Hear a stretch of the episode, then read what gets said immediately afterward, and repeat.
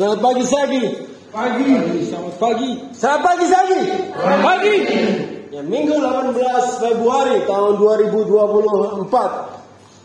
Puji Tuhan pemilihan umum sudah dilakukan.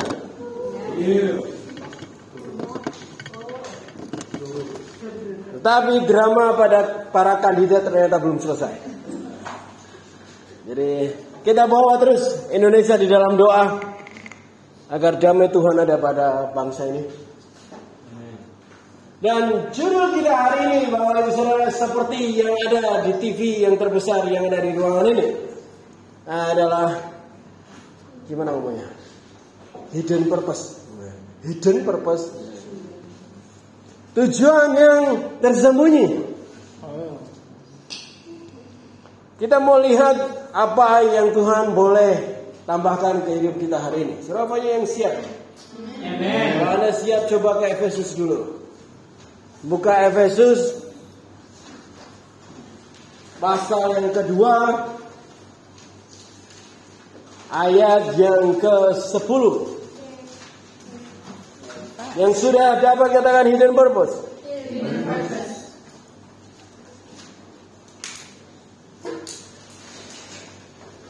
Dikatakan di ayat ini adalah karena kita ini buatan Tuhan. Buatan siapa? Siapa yang dibuat Tuhan? Diciptakan di dalam Kristus Yesus untuk melakukan pekerjaan yang baik. Dan pekerjaan itu ternyata yang sudah dipersiapkan Tuhan sebelumnya. Ia mau supaya kita hidup di dalamnya. Apa itu? Silau. Dari pelajaran Kamis malam kemarin, Bapak Ibu Saudara, salah satu hal yang mendampak saya adalah saat kita semua melihat gambar-gambar dan benda-benda di layar ini dan seketika juga kita bisa mengenali tujuan dan kegunaan dari benda itu. Gitu Pak Brent pas gambar ini, wah langsung bisa. Ini, oh ini untuk ini. Ini, oh itu untuk ini. Hanya dengan melihat gambar dan foto, kita sudah tahu apa itu nama bendanya dan untuk apa benda itu. Saya mulai bertanya-tanya kalau orang lain melihat hidup saya,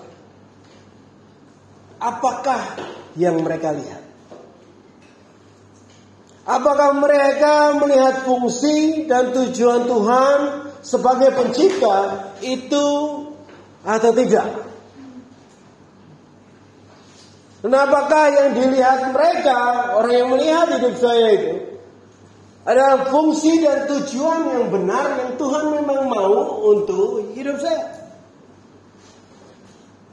Hal ini di section itu sebenarnya yang sangat mendampak saya secara pribadi dan kita berdua.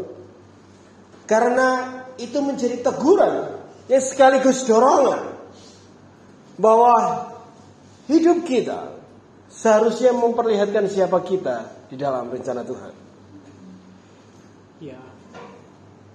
Artinya seharusnya hal ini terjadi untuk kita saat orang lain lihat kita mereka seharusnya langsung bisa mengenali fungsi dan tujuan Tuhan di dalam hidup kita. Tanpa bahkan harus dijelaskan. But, tetapi yang terjadi kenyataannya bahkan sebagian besar orang di ruangan ini tidak mudah tidak mudah dikenali tujuan hidupnya saat orang lain melihat hidup kita.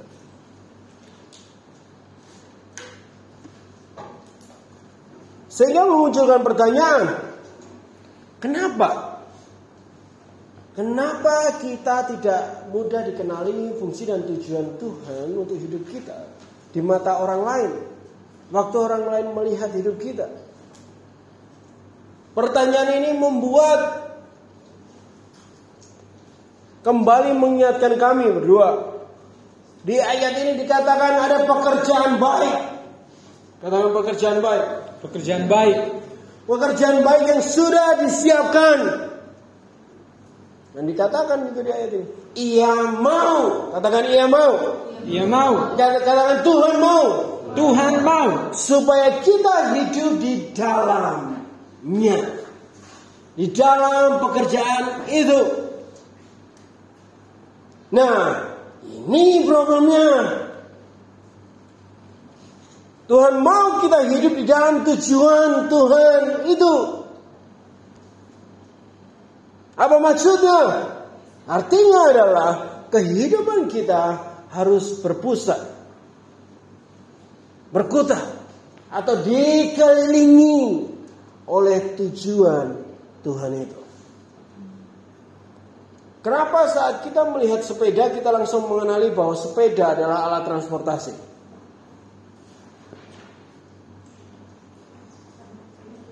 Karena kita selalu melihat bahwa sepeda yang kita sering lihat atau selalu lihat adalah sepeda diduduki oleh orang. Dan mulai membawa orang itu ke tempat tertentu. Dan itu keseharian sepeda itu kayak gitu. Di seluruh hidup keseharian sepeda dia selalu dikendarai oleh seseorang untuk bawa seseorang itu atau membawa benda tertentu ke tempat tertentu.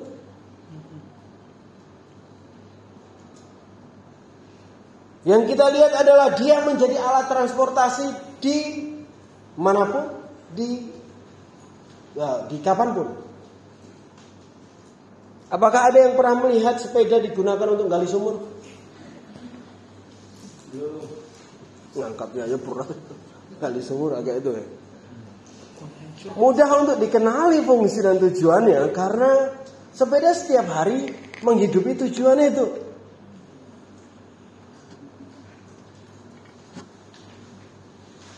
Hidupnya adalah tujuannya, tujuannya ada di hidupnya. Pertanyaannya untuk kamu sekarang. Untuk diri kita ini. Apakah orang bisa lihat tujuan itu karena kamu berfungsi setiap hari seperti itu?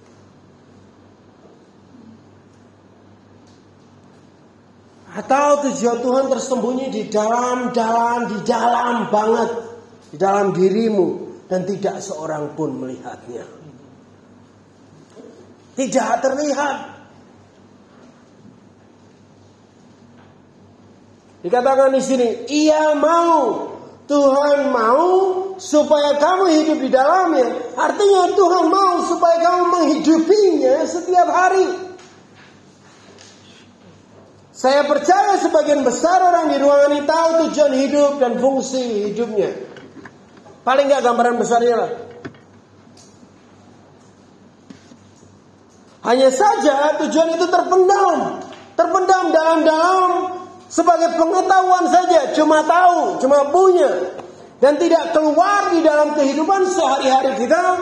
Sehingga orang nggak bisa melihat sama sekali sebenarnya tujuan Tuhan dalam hidupmu itu apa.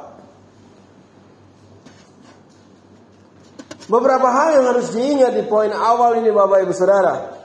Supaya saya rem dikit lah. Supaya nggak kecepatan majunya. Bahwa Tuhan menciptakan tujuan dan fungsi untuk hidupmu. Tidak untuk menjadi pengetahuan saja bagimu, tetapi menjadi kehidupan. Menjadi hidupmu. Tuhan mau kamu hidup di dalam hal itu. Mengetahui tujuan Tuhan bagi hidupmu bukan goalnya. Tetapi menghidupi tujuan itu adalah goalnya. Tujuan yang tersembunyi adalah saat orang itu tahu tujuan mereka, tetapi tidak menghidupinya. Sehingga orang lain bahkan tidak mengenali tujuan Tuhan dalam hidup orang itu. Karena sama sekali nggak terlihat, tersembunyi. Apakah kamu mau lihat seperti apa kehidupan orang yang menyembunyikan tujuan Tuhan? Mau lihat? Mau lihat? Kita ke hakim-hakim.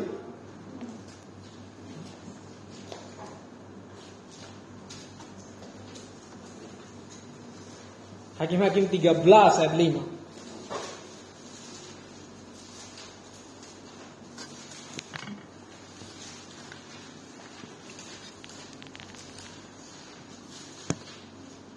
Sudah di sana? Sebab engkau akan mengandung dan melahirkan seorang anak laki-laki. Kepalanya takkan kena pisau cukur. Sebab sejak dari kandungan ibunya, anak itu menjadi seorang nazir Tuhan. Dan dengan dia akan mulai penyelamatan orang Israel dari tangan orang Filistin. Jadi saya rasa kita semua tahu Simpson di sini. Dan hari ini kita akan belajar dari kehidupan Simpson. Dan ceritanya dimulai dengan ada seorang suami yang memiliki istri. Suami namanya Manoah. Namun mereka belum memiliki anak sampai dengan saat itu.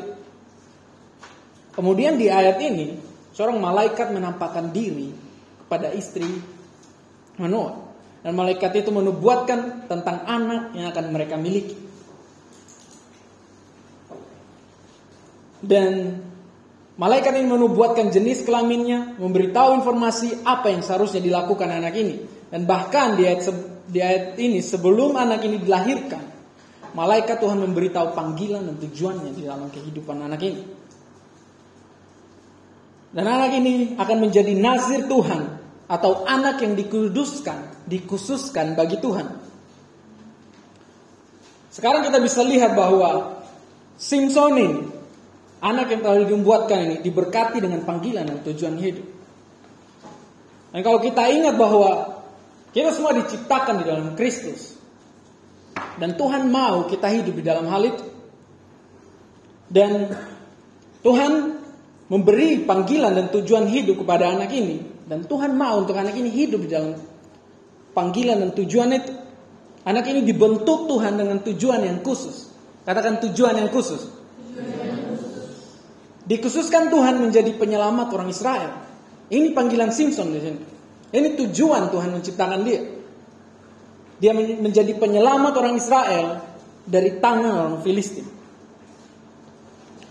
Sekarang saya mau tanya bahwa apakah kalian melihat panggilan dan tujuan hidup Simpson sangat jelas di sini? Dan bahkan sebelum dia dikandung, Tuhan memberikan tujuannya. Sebelum kita lebih dalam, saya mau kita semua memahami hal ini bahwa Tuhan menciptakan manusia dengan panggilan dan tujuan yang spesifik di dalam kehidupan mereka. Tuhan menciptakan kehidupan itu dengan panggilan tujuan yang spesifik. Katakan spesifik. Spesifik. Spesifik. Spesifik. Kalau kamu lahir di dunia ini dan masih duduk dan bernafas sampai dengan saat ini, kalian harus sadari bahwa Tuhan punya panggilan dan tujuan di dalam kehidupan kalian. Dan itu yang harus kalian pahami hari ini. Nggak ada manusia yang diciptakan Tuhan dengan random atau lahir begitu saja. lahir gitu aja. Tuhan nggak menciptakan manusia karena kecelakaan dan tanpa panggilan dan tujuan dalam kehidupan. Saya rasa semua setuju dengan hal ini. Ya kan? Ya. Ada tujuan di balik kehidupan. Ya. Ada arti yang mendalam di dalam kehidupan. Kalian harus sadari bahwa penciptamu Tuhan semesta alam peduli tentang kehidupan. Dan bahkan dia peduli dalam setiap detail hal-hal dalam kehidupan. Dia menentukan setiap hal di dalam kehidupan. Dan ini yang terjadi di dalam kehidupan Simpson juga. Dia memilih di mana kamu lahir, di mana kamu tinggal dan bahkan dia memilih dan menentukan pekerjaan dan apa yang harus kamu lakukan. Dan hal yang sama juga ditentukan bagi kehidupan Simpson. Kepalanya nggak boleh kena pisau cukur. Ini menjadi ketentuan bagi Simpson. Tuhan tentukan detail dari apa yang harus dilakukan dan tidak dilakukan oleh Simpson. Apakah kalian pikir Tuhan tidak peduli dengan setiap keputusan dan desis dalam setiap keputusan dalam kehidupan kalian. Apakah Tuhan gak peduli hal itu? pahami bahwa kehidupan Simpson tidak hanya diberikan oleh Tuhan begitu saja. Tetapi kehidupan Simpson dipilih Tuhan untuk mencapai hal-hal tertentu bagi Tuhan. Tuhan memberkati dan membentuk Simpson dengan panggilan dan tujuan tertentu untuk Simpson dapat mencapai sesuatu bagi Tuhan. Jadi kehidupanmu tidak hanya diberikan Tuhan begitu saja. Tetapi kehidupanmu dipilih oleh Tuhan untuk mencapai hal-hal tertentu bagi Tuhan. Semua bisa lihat hal ini. Ada tujuan yang Tuhan taruh di dalam kehidupanmu. Dia memberikan kamu kehidupan untuk kamu bisa hidup dan mencapai hal-hal tertentu dan berfungsi mengerjakan hal itu. Tuhan membentuk memberkatimu dengan panggilan dan tujuan tertentu untuk kamu bisa mencapai sesuatu bagi Tuhan. Ini yang mau kita lihat bahwa Simpson lahir dengan hal ini. Dan Tuhan berekspektasi dia hidup di dalam hal ini. Tapi mari kita lihat di ayat selanjutnya. Pasal yang sama. Pasal 13 ayat 24. Coba sapa dulu kanan kirinya dan kasih senyuman. Ya. Saya merasa saya sudah ngomong di depan patung-patung soalnya. Kan nggak ada kehidupan gitu rasanya. Ternyata pada sibuk mencatat. Ya. Bagus, ada bagusnya sibuk mencatat, tapi pahami kalian lebih baik dengar daripada mencatat saja. Nanti saya kasih file ya. Nah, karena kalau kalian tidak paham, kamu akan baca catatanmu tidak dalam pemahaman yang benar. Itu sama aja dengan banyak orang Kristen baca Alkitab dan nggak pernah paham. Karena pemahamannya yang bukan dikejar, tetapi hanya kerajinannya saja yang dikejar. Anda harus mengerti dan menghidupi itulah goal dari firman Tuhan. Oke, okay? kita ke ayat 24 ke Hakim-Hakim 13. Lalu perempuan itu melahirkan seorang anak laki-laki dan memberi nama Simpson. Bukan yang Betawi versinya. Simpson kepadanya. Anak itu menjadi besar dan Tuhan memberkati dia. Siapa yang memberkati Simpson? Ada yang ada beberapa terjemahan sedikit yang disebutkan sebagai uh, hal ini karena beberapa terjemahan sebutkan bahwa nubuat tentang Simpson ini adalah anak untuk Manoah dan istrinya ini adalah nazir Tuhan. Ya, apa itu nazir? Bukan nazir uduk atau nazir. Bukan nazir. Nazir Tuhan bisa mudah diartikan itu sebagai orang yang sudah dikhususkan bagi Tuhan. Sudah dipilih Tuhan untuk melakukan pekerjaan tertentu atau untuk situasi dan saat tertentu. Seperti halnya hidup saya dan saudara. Dikhususkan Tuhan seperti yang kita baca di Efesus 2 ayat 10 tadi. Tuhan sudah menyiapkan pekerjaan yang khusus untuk setiap orang, setiap kita. Ada yang percaya hal itu? Ya. Semua percaya hal ini? Ya. Dan Tuhan sendiri saat dia menjadi seseorang, menjadikan seseorang untuk tujuan khusus, Tuhan juga akan melengkapi orang itu dengan kuasa yang khusus juga. Dikatakan di ayat ini, anak itu menjadi besar. Si Simpson jadi besar. Dan waktu dia udah gede, Tuhan memberkatinya. Dikata Tuhan memberkati dia, ini bukan berarti Tuhan memberi Simpson duit banyak. Kalau saya bilang Tuhan memberkati orang, beberapa gereja pasti yang dipikirin itu.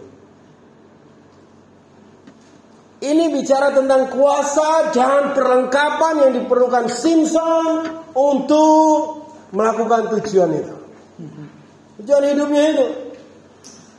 Kadang tanpa sadar kita membayangkan kita membayangkan Simpson itu, bayangkan anak ini kuat sejak lahir. Waktu bayi, gendong meja udah bisa. Pernah membayangkan itu? Iya kan? Kita kita kadang membayangkan kisah Simpson ini dari kecil dia udah kuat banget. Pak Simpson kecil hanyalah bayi dan anak biasa. Tetapi begitu dia terus bertumbuh, katakan bertumbuh. Begitu dia menjadi dewasa, katakan dewasa. Kekuatannya terus bertambah. Seturut dengan kedewasaan yang dia miliki. Apakah kamu pernah mendengar dari Tuhan tujuan untuk hidupmu? Hal yang Tuhan mau kamu lakukan? Ayat ini adalah saksi dari kesetiaan Tuhan. Bahwa Tuhan akan selalu setia dalam perkataannya. Saat dia memberi engkau pekerjaan, dia juga akan memberkati engkau dengan kemampuan untuk melakukannya. Ada amin di situ. Amin. Tetapi ada tapinya nih. Kuasa dan kemampuan untuk melakukan panggilan atau tujuan Tuhan untuk hidupmu itu akan dilengkapi Tuhan seiring dengan kedewasaanmu.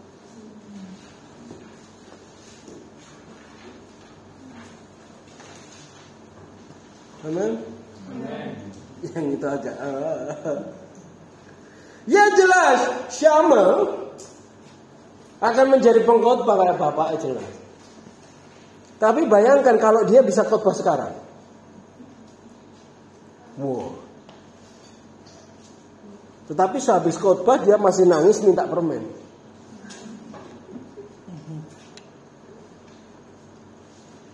Bisa dapat. Perlu pertumbuhan dewasa untuk semakin dilengkapi.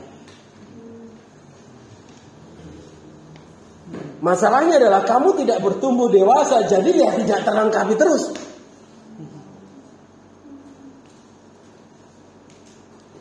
Tahu nggak sih, hanya orang yang belum dewasa yang selalu ngeluh untuk nggak mau melakukan sesuatu karena merasa tidak bisa.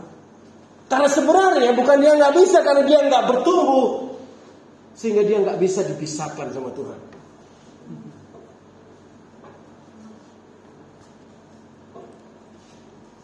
Dan biasanya tahu nggak sih ada istilah banyak makan garam. Ada istilah itu? Keasinan hidupnya. Istilah ini mengartikan orang yang banyak pengalaman dan mampu melakukan banyak hal. Ya kan? Wah dia orangnya udah banyak makan garam karena darah tinggi.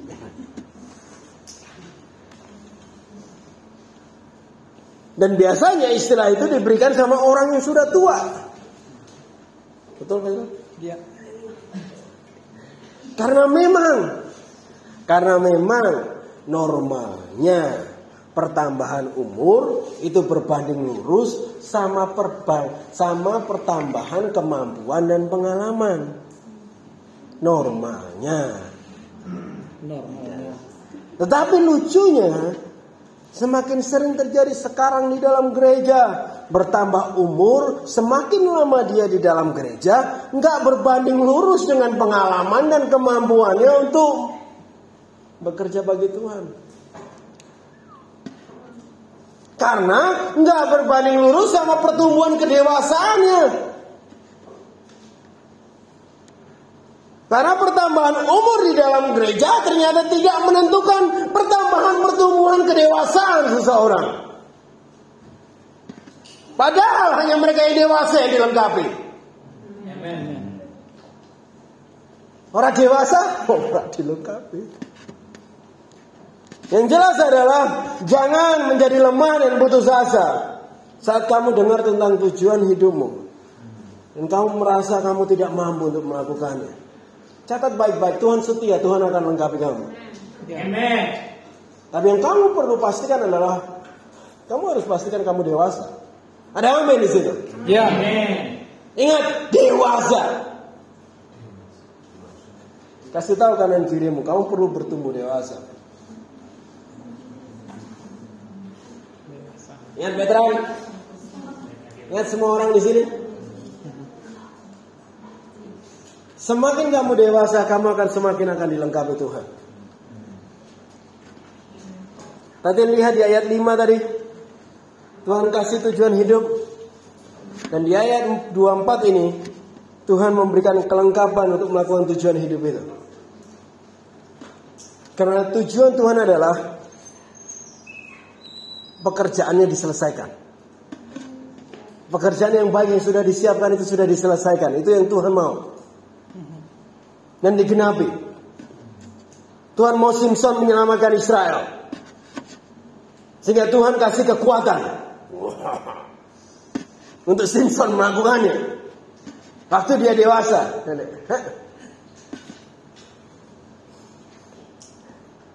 Tetapi ada sesuatu yang terjadi Bapak Ibu Saudara. Di pasal 14 kita lihat pasal 14 apa yang terjadi sama si Simson ini. Uh, Hakim-hakim 14 ayat 1.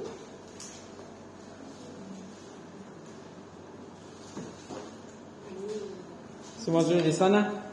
Yeah, yeah. So there when you there. Yeah. Kemudian Simpson pergi ke Timna dan di situ ia melihat seorang gadis Filistin. Ia pulang memberitahukan kepada ayahnya dan ibunya di, di Timna aku melihat seorang gadis gadis Filistin. Tolong, tolong. Tolonglah. Ambillah dia menjadi istriku. Sekali lagi tadi kita lihat di ayat 5, Tuhan kasih tujuan hidup kepada Simpson. Dan di ayat 24 ini, Tuhan berikan kelengkapan untuk Simpson dapat melakukan tujuan hidup itu. Karena tujuan Tuhan adalah pekerjaan itu terselesaikan dan digenapi. Katakan terselesaikan dan digenapi. Terselesaikan dan digenapi. Enggak logatnya juga yang ikutin. Amin. Dan kita juga melihat bahwa Tuhan mau kita hidup menghidupi tujuan itu. Salah satu cara termudah dan terbesar yang orang lain bisa lihat tentang gambaran dan tujuan hidup kita adalah melalui keputusan kita. Katakan keputusan. Keputusan. Dan itu yang mau Tuhan lihat tentang gambaran itu. Dan itu bisa terlihat dari setiap keputusan kehidupan kita. Keputusan-keputusan yang kamu ambil sebenarnya itu menjadi isyarat di mata orang lain. Apa itu tujuan? Itulah mengapa setiap tujuan yang Tuhan berikan Selalu ada klasifikasi dan syarat-syarat. Jadi ada hal-hal tertentu yang Tuhan tetapkan untuk kamu lakukan. Ada detail yang Tuhan tetapkan. Ada detail yang Tuhan berikan dalam kehidupan kita. Baik di dalam keputusan kehidupan kita, apa yang boleh kita lakukan dan apa yang tidak boleh kita lakukan. Dan ini perlu kita pahami bahwa ketika kita tahu siapa kita yang diciptakan Tuhan, dan tujuan Tuhan di dalam kehidupan kita. Kita harus melihat setiap keputusan itu yang kita ambil. Di dalam cerita ini Simpson pergi ke Timna. Dan dia melihat seorang gadis Filistin. Dan saya percaya bahwa kita semua tahu bahwa kalau orang Filistin ini merupakan musuh mereka. Orang Filistin merupakan musuh orang Israel. Dan aturannya orang Israel nggak boleh kalian campur sama mereka. Ini adalah sudah menjadi peraturan peraturan yang Tuhan tetapkan. Eh, ini malah timbul kasus cinta pandangan pertama. Begitu. Pandangan pertama. Lihat bahwa wanita ini dia melihat wanita ini dan dia malah langsung ingin menikahi. Baru aja melihat. Udah mau menikahi. Apakah dia tahu siapa perempuan ini? Itulah terkadang kita perlu hati-hati dengan cinta pandangan pertama gitu.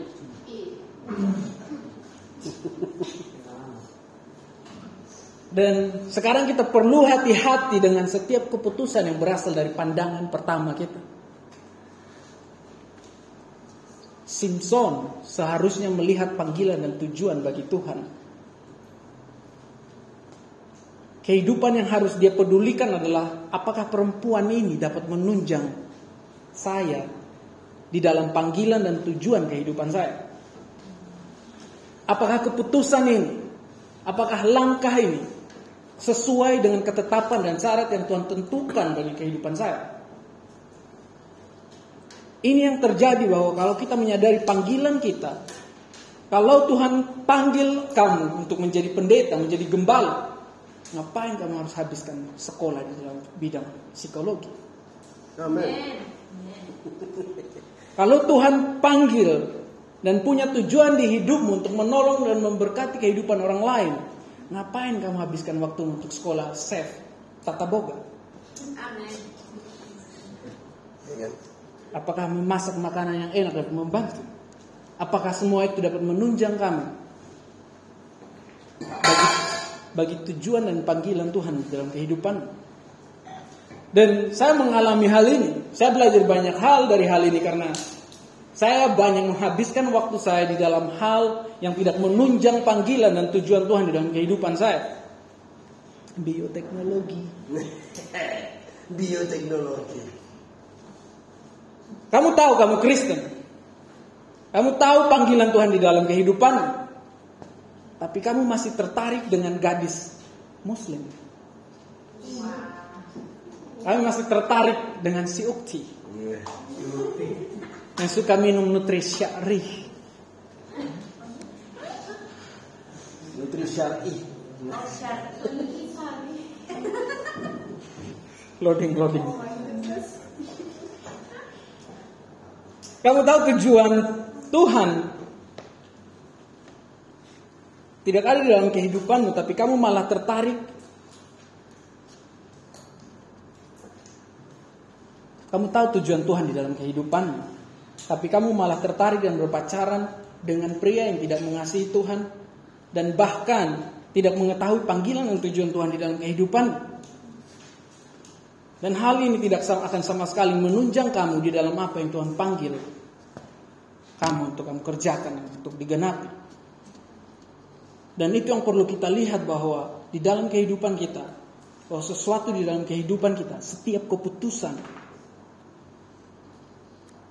yang harus kamu lihat adalah apakah ini dapat menunjang aku? Apakah ini yang Tuhan mau?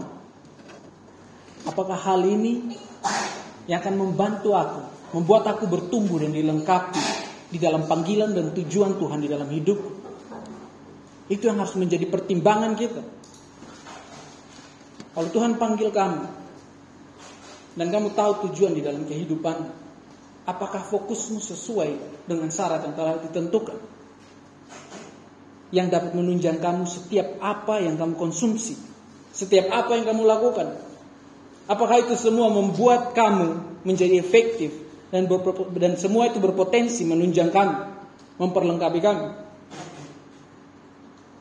Ini yang perlu kita lihat bahwa sekali lagi bahwa keputusan kita itu yang akan dilihat orang di dalam kehidupan kita.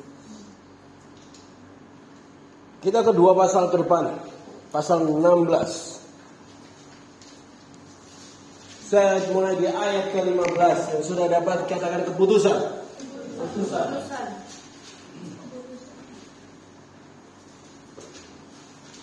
Pernah ada teman datang-datang ke kamu bilang, aku mau turun berat badan. Itu tujuannya, ya kan? Tapi habis itu dia jajan terus. Keputusannya malah jajan terus. Kira-kira Anda bisa melihat tujuan itu dari cara dia keputusan atau enggak? Iya enggak? Itu yang maksudnya. Ayat 15 dikatakan ini, berkatalah perempuan itu kepadanya, bagaimana mungkin kalau engkau berkata aku mencinta kepadamu. Padahal hatimu tidak tertuju kepadaku. Cile. Sekarang telah tiga kali engkau mempermainkan aku. Dan tidak mau menceritakan kepadaku karena apakah kekuatanmu demikian besarnya. Pada pasal 14 tadi yang dilihat, kita lihat tujuan hidup Simpson adalah menyelamatkan Israel dari Filistin. Eh, malah Filistin yang dia selamatkan untuk jadi istri. Dia harusnya menyelamatkan Israel dari Filistin, malah dia selamatkan Filistin untuk jadi istrinya. Itu keputusan hidup dari keputusan hidup adalah bagian terpenting dalam menghidupi tujuan hidup dari Tuhan. Sekali lagi katakan keputusan. Keputusan. Dan di pasal 16 ini ada keputusan lain yang kita mau lihat. Sebagai info aja, uh, hanya, mungkin mungkin ada beberapa yang nggak tahu. Wanita Filistin di pasal 14 itu bukan Delilah.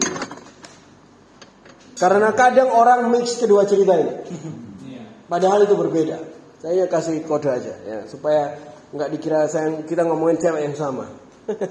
Simpson nggak cukup sama satu.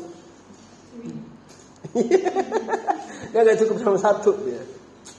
Kita belajar kemarin Kamis kalau musuh akan selalu mencoba untuk mencuri. Tuh? Akan mencoba untuk membunuh.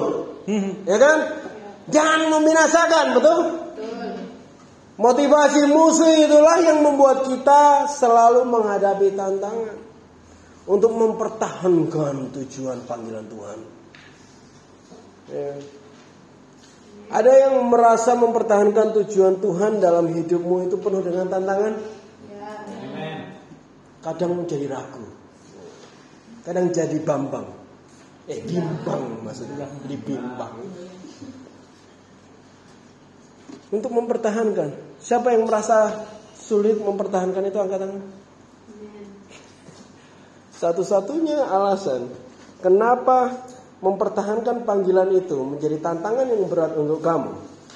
Karena tujuan hidup Tuhan itu masih menjadi bagian dari hidupmu. Belum menjadi hidupmu. Bisa mengerti? Sulit dipertahankan karena itu cuma dipegang terus. Bagaimana? Coba kalau itu jadi hidupmu. Apa yang mau dicuri? Yang dicuri hidupmu. Bisa mengerti di situ? Saya ulangi lagi. Kamu masih menaruh panggilan Tuhan menjadi bagian dari hidupmu saja, belum menjadi hidupmu seluruhnya. Sehingga kamu mudah sekali untuk dipikat dan dirayu untuk keluar atau untuk melepaskan atau untuk menyerahkan panggilan itu. Saat kamu duduk sama teman kuliah, mulai ngobrol sana sini. Teman main, ngobrol sana sini. Keluarga, mulai mudah tergoyahkan. Mulai mudah sekali untuk bagi mereka merayu dan mengganggu, menggoyahkan kepercayaanmu terhadap tujuan Tuhan di hidupmu itu.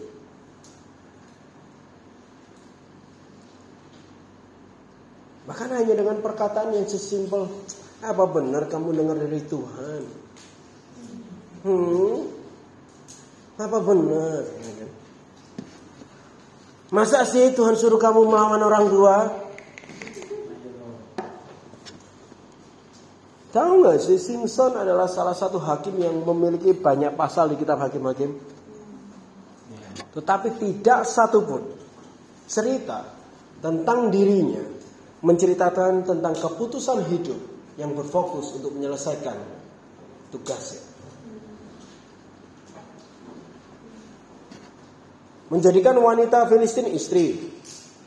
Eh sekarang malah asik sama kupu-kupu malam Filistin.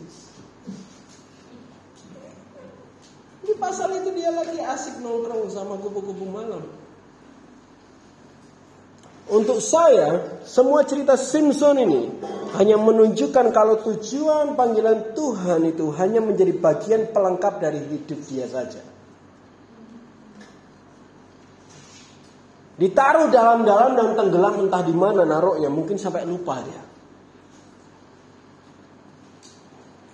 Kita bisa lihat dari hidupnya adalah keputusan-keputusan yang tidak sama sekali menggambarkan panggilan itu untuk dia.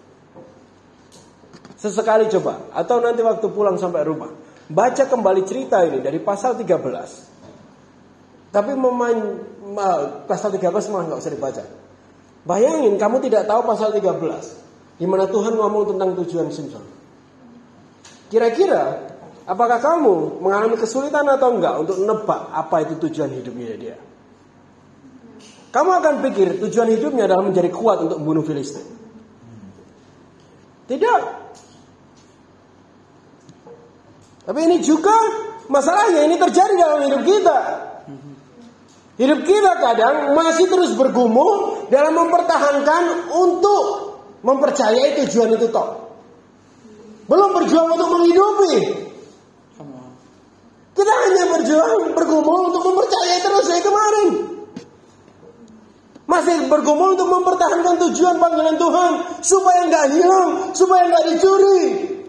Hanya karena kita masih menjadikan hidup tujuan Tuhan itu jadi bagian dari pemikiran kita. Jadi bagian dari hidup kita, belum jadi hidupmu. Dan itu muncul serta terlihat dari keputusan-keputusan harianmu. Tetapi tetaplah dasarnya adalah kamu belum memutuskan tujuan hidup Tuhan menjadi hidupmu. Ada keputusan-keputusan kecil harian yang penuh menggambarkan tujuanmu. Tapi juga sebenarnya yang paling dasar adalah karena kamu belum memutuskan itu hidupmu. Kamu belum memutuskan yang kamu dengar dari Tuhan adalah hidupmu. Masih hanya menjadi bagian salah satunya. Atau bagian salah satu opsi mungkin bahkan. Aku bisa kuliah ini, aku bisa kerja itu, aku bisa ini, tapi Tuhan juga ngomong itu. Cuma jadi salah satu pilihan aja. Kau belum memutuskan itu. Sehingga kamu masih bergumul.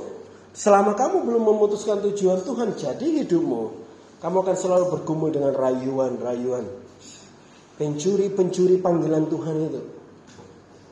Ada yang masih bergumul seperti itu sampai hari ini? Bisa teman dekat pencurinya. Bisa sahabat sendiri pencurinya. Keluarga dan bahkan keinginan akan yang ada di dunia ini. Mereka menjadi delilamu. Hah, masa kamu nggak mengasihi orang tuamu? Masa kamu nggak memperhitungkan persahabatan kita dari ulat jadi kepompong? Sekarang kita udah jadi kupu-kupu. Masa kamu tidak memperhitungkan rayuan-rayuan mereka? Masa benar sih Tuhan akan menjamin hidupmu? Lihat dunia ini, semua ada. Yang kamu inginkan ada. Seperti Tokopedia. Semua ada. Ra- merayumu supaya kamu melepaskan tujuan itu dan memilih apa yang tidak. Putuskan hari ini. Iya. Putuskan hari ini kepada siapakah kamu menghamba. Hidup yang mana yang kamu pilih? Karena saatnya untuk maju ke depan dan menyelesaikan panggilan. Saatnya untuk maju ke depan dan menyelesaikan pekerjaan. Tidak lagi bergumul dengan rayuan Delila. Delila. Tengking nama Tuhan Yesus. Ya bisa mengerti sampai sini. Amen. Kerajaan Tuhan perlu orang-orang yang menghidupi tujuannya. Bukan hanya memegangnya saja. Amen. Putuskan hari ini. Lihat mata kanan kirinya. Kira-kira orang-orang yang siap menyelesaikan pekerjaan atau tidak. Kita ke Matius 25 ayat 18.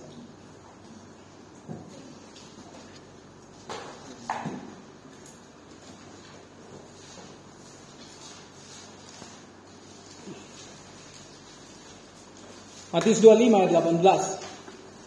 Semua sudah di sana? Tetapi hamba yang menerima satu talenta itu pergi dan menggali lubang di dalam tanah itu, lalu menyembunyikan uang tuannya.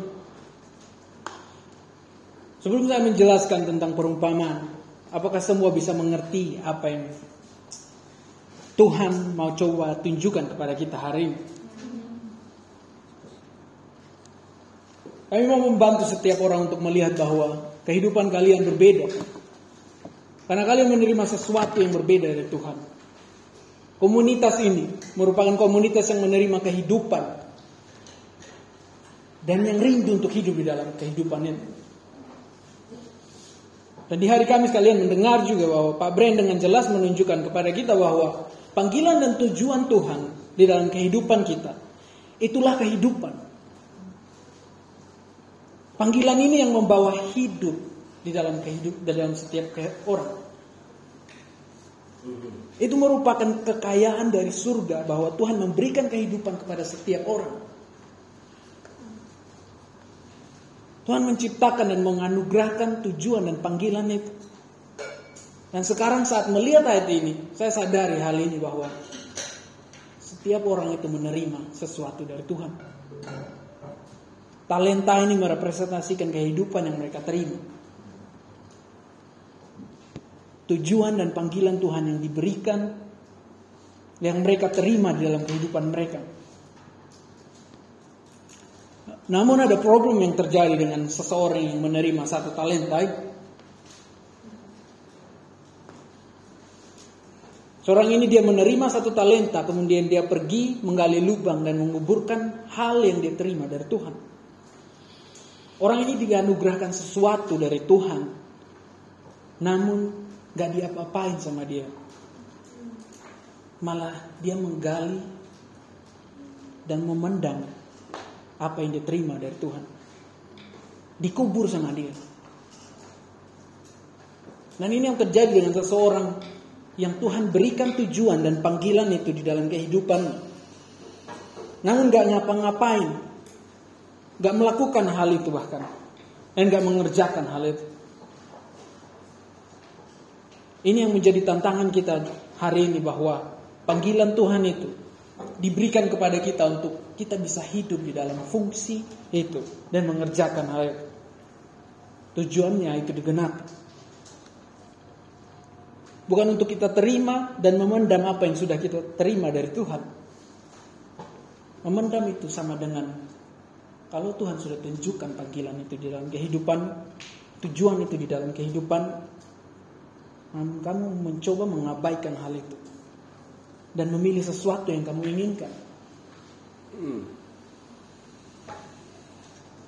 Kalau panggilan itu saat ini masih ada di dalam kehidupan dan kamu walaupun kamu coba untuk menggali lubang itu sebelum kamu menutupi hal itu kembali dan ambil itu untuk menjadi kehidupan saat ini.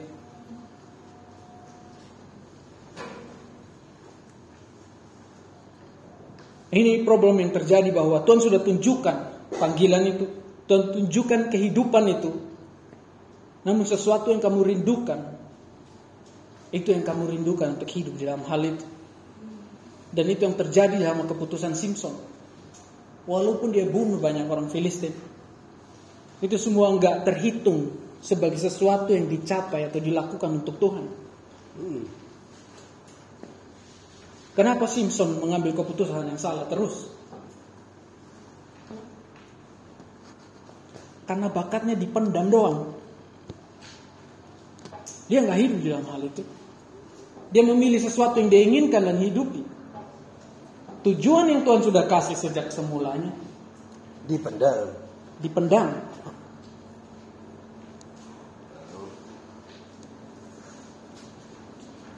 Apa yang Tuhan sudah tunjukkan kepadanya dan Tuhan sudah berikan.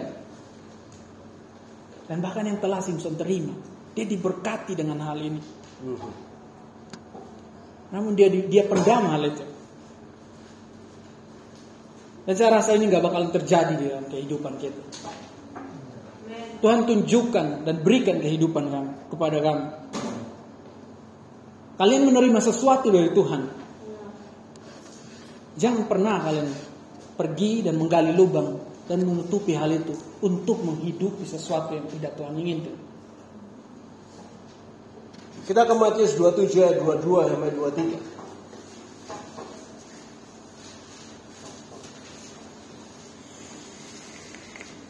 Yang sudah dapat katakan hidden purpose. Jangan disembunyikan, amin. Amin. Tujuan Tuhan harus terlihat. Di ayat 22 pasal 27 dikatakan pada hari terakhir banyak orang yang berseru kepadaku, Tuhan, Tuhan, bukankah kami bernubuat ada dalam namamu dan mengusir setan demi namamu dan mengadakan banyak mujizat demi namamu juga. Pada waktu itulah aku akan terus terang kepada mereka dan berkata, aku tidak pernah mengenal engkau. Nyala daripadaku kamu sekalian membuat kejahatan. Ayat ini ditulis di beberapa Injil. Ada beberapa yang ngomong bahwa yang Tuhan cari hanyalah mereka yang melakukan. Pada akhirnya Bapak Ibu Saudara, yang dilihat Tuhan adalah hanya ketaatan saja. Apa itu ketaatan? Ketaatan sama dengan melakukan dan menghidupi apa yang Tuhan mau dan Tuhan itu juga.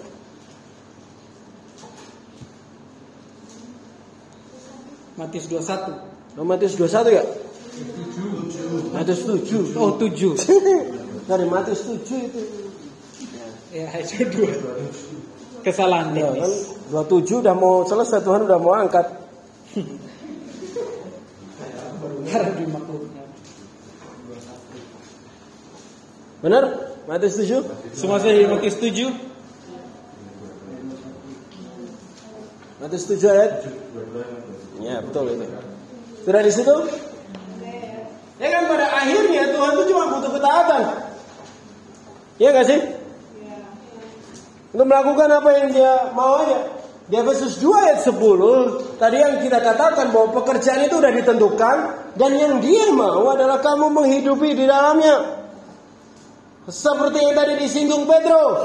Pada akhir kisah Simpson, Simpson membunuh banyak orang Filistin.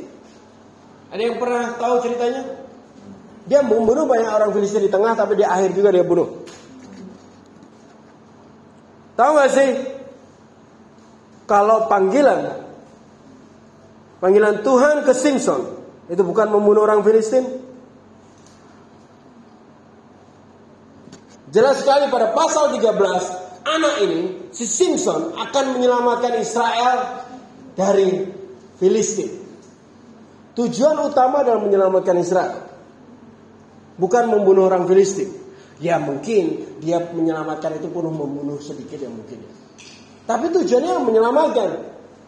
Ya dia menghancurkan orang Filistin tetapi tidak untuk menyelamatkan Israel pada akhirnya. Ini artinya kamu tetap Kristen dan tetap ada di dalam gereja dan mungkin melakukan kegiatan yang disebut pelayanan di dalam gereja. Belum tentu itu tujuan Tuhan yang mau kamu hidup.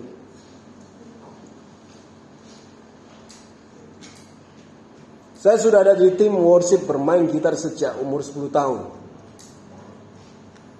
Siapa 10 tahun di sini? Oh iya. iya. Dan menjadi worship leader sudah sejak usia 15 tahun. Sudah selama itu. Tapi saya pernah terjebak dalam pemikiran kalau dunia musik dan worship itulah panggilan saya. Itulah tujuan hidup saya. Saking sudah selama itu saya di situ. Sejalan dengan pertumbuhan rohani saya, Tuhan berbicara lebih jelas tentang tujuan hidup dan panggilan. Membentuk generasi untuk mengenal Tuhan dan melakukan perintahnya. Dan saat itu juga saya ubah arah, ubah fokus, ubah kepentingan, ubah semua jadwal lebih baik. Dan melangkah dalam keputusan-keputusan setiap kali. Dulu saya kalau setiap hari paling enggak 3 sampai 5 jam bermain musik. Sekarang seminggu sekali boro-boro. Gitu. Saya harus mau menyerahkan yang bukan tujuan Tuhan, yang mungkin saya rasa baik dan rohani. Bahkan menyerahkan bukan tujuan Tuhan untuk menggantikan hidup saya ke hidup yang menjadi tujuan Tuhan. Itu masalah di ayat ini tadi. Mereka merasa melakukan hal yang nampaknya jadi kehendak Tuhan. Mujizat, ya kan? Menyembuhkan, berdoa. Di ayat ini ada orang yang datang ke Tuhan dan memperlihatkan semua hal yang rohani itu.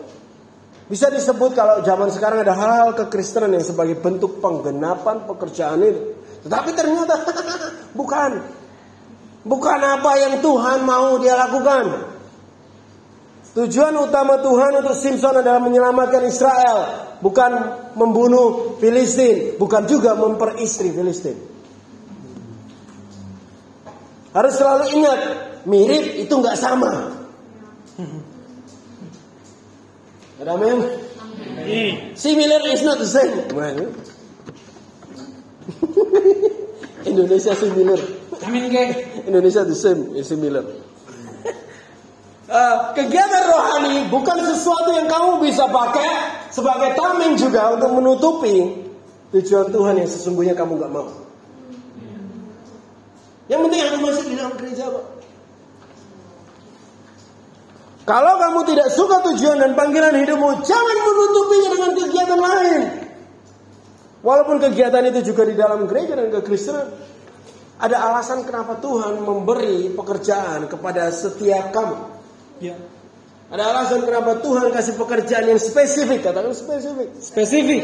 Karena memang Tuhan mau kita mempunyai fungsi yang spesifik juga. Kekuatan yang spesifik, kuasa yang spesifik.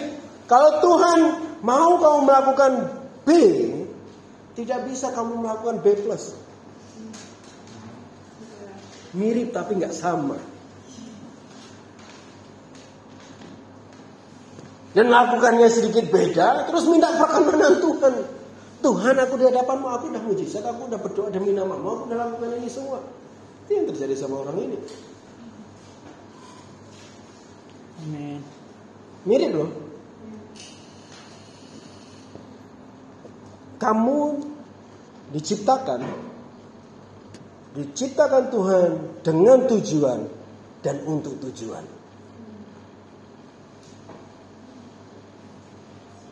Dan pada akhirnya Tuhan hanya mau melihat apakah tujuan itu tergenapi atau enggak. Jadi jangan simpan tujuan itu.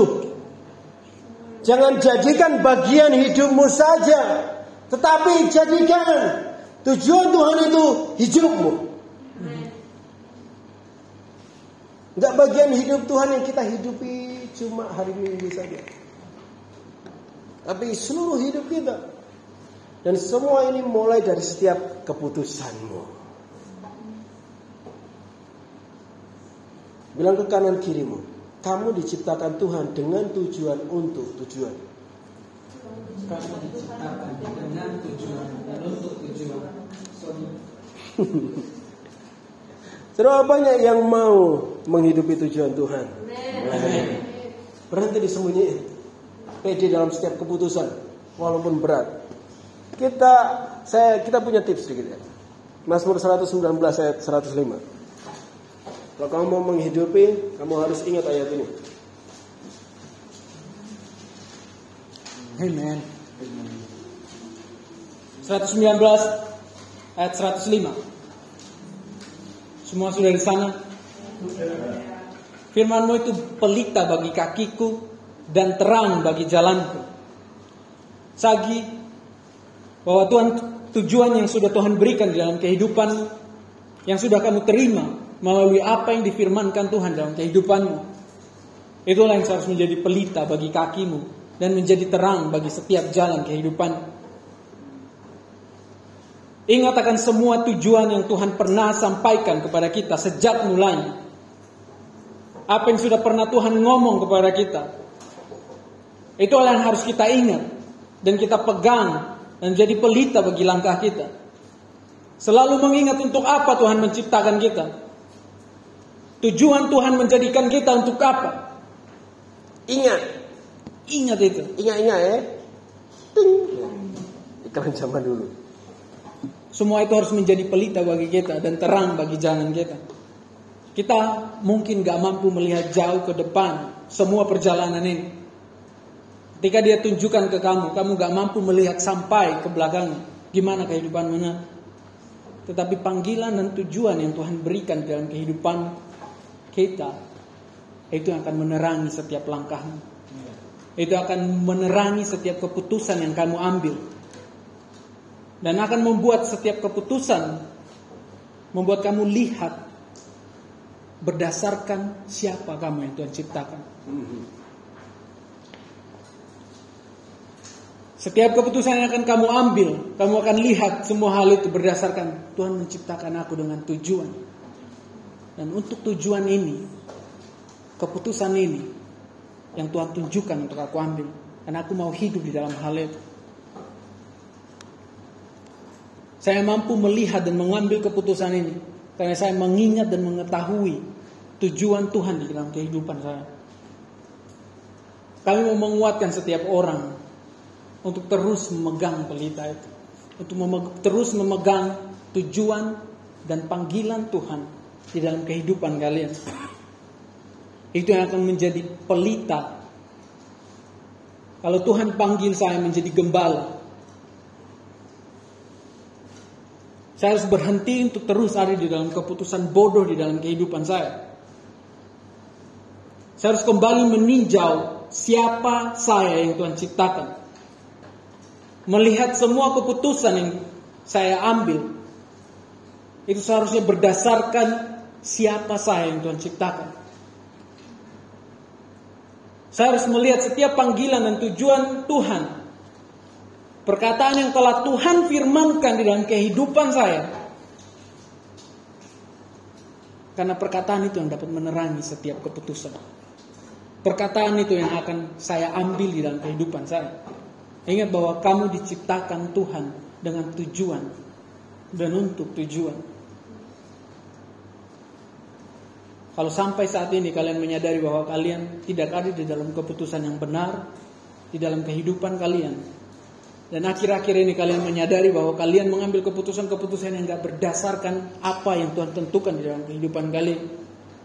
Inilah saatnya. Inilah waktunya untuk kalian bisa mengingat kembali setiap perkataan Tuhan. Setiap perkataan yang Tuhan firmankan ke dalam kehidupan kalian. Dan biarlah perkataan itu, tujuan itu menerangi setiap keputusan kalian. Dan biarlah itu mulai menerangi dan menunjukkan apakah kalian ada di dalam posisi yang benar yang menunjang kalian di dalam mencapai apa yang Tuhan panggil di dalam kehidupan kalian atau tidak. Izinkan panggilan itu menerangi kehidupan kalian. Izinkan panggilan itu menerangi setiap keputusan-keputusan dari langkah kalian. Dan saya percaya bahwa ketika kalian melakukan hal ini, memegang hal ini, mengingat terus untuk apa Tuhan menciptakan kalian, dan kalian akan dan hal itu akan menerangi kalian dengan setiap harapan baru di dalam kehidupan kalian. Amin. Kita mau hidup di dalam tujuan ini. Kita mau berhenti berjuang untuk hanya mau mempercayai itu. Kalian miliki panggilan Tuhan tujuan itu. Kalian harus hidup di dalam hal itu.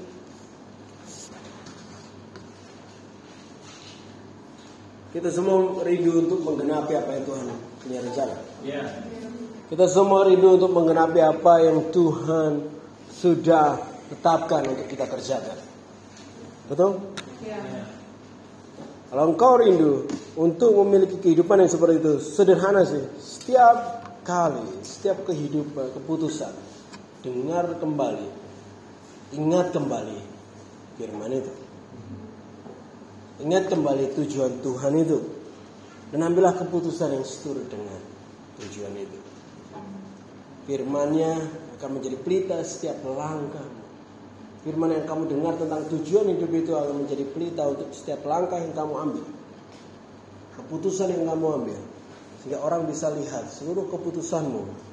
Kenapa kok kamu gini? Ternyata itu orang yang memang begitu. Kita semua rindu untuk menggenapi apa yang Tuhan punya. Ya. Mari kita berdoa.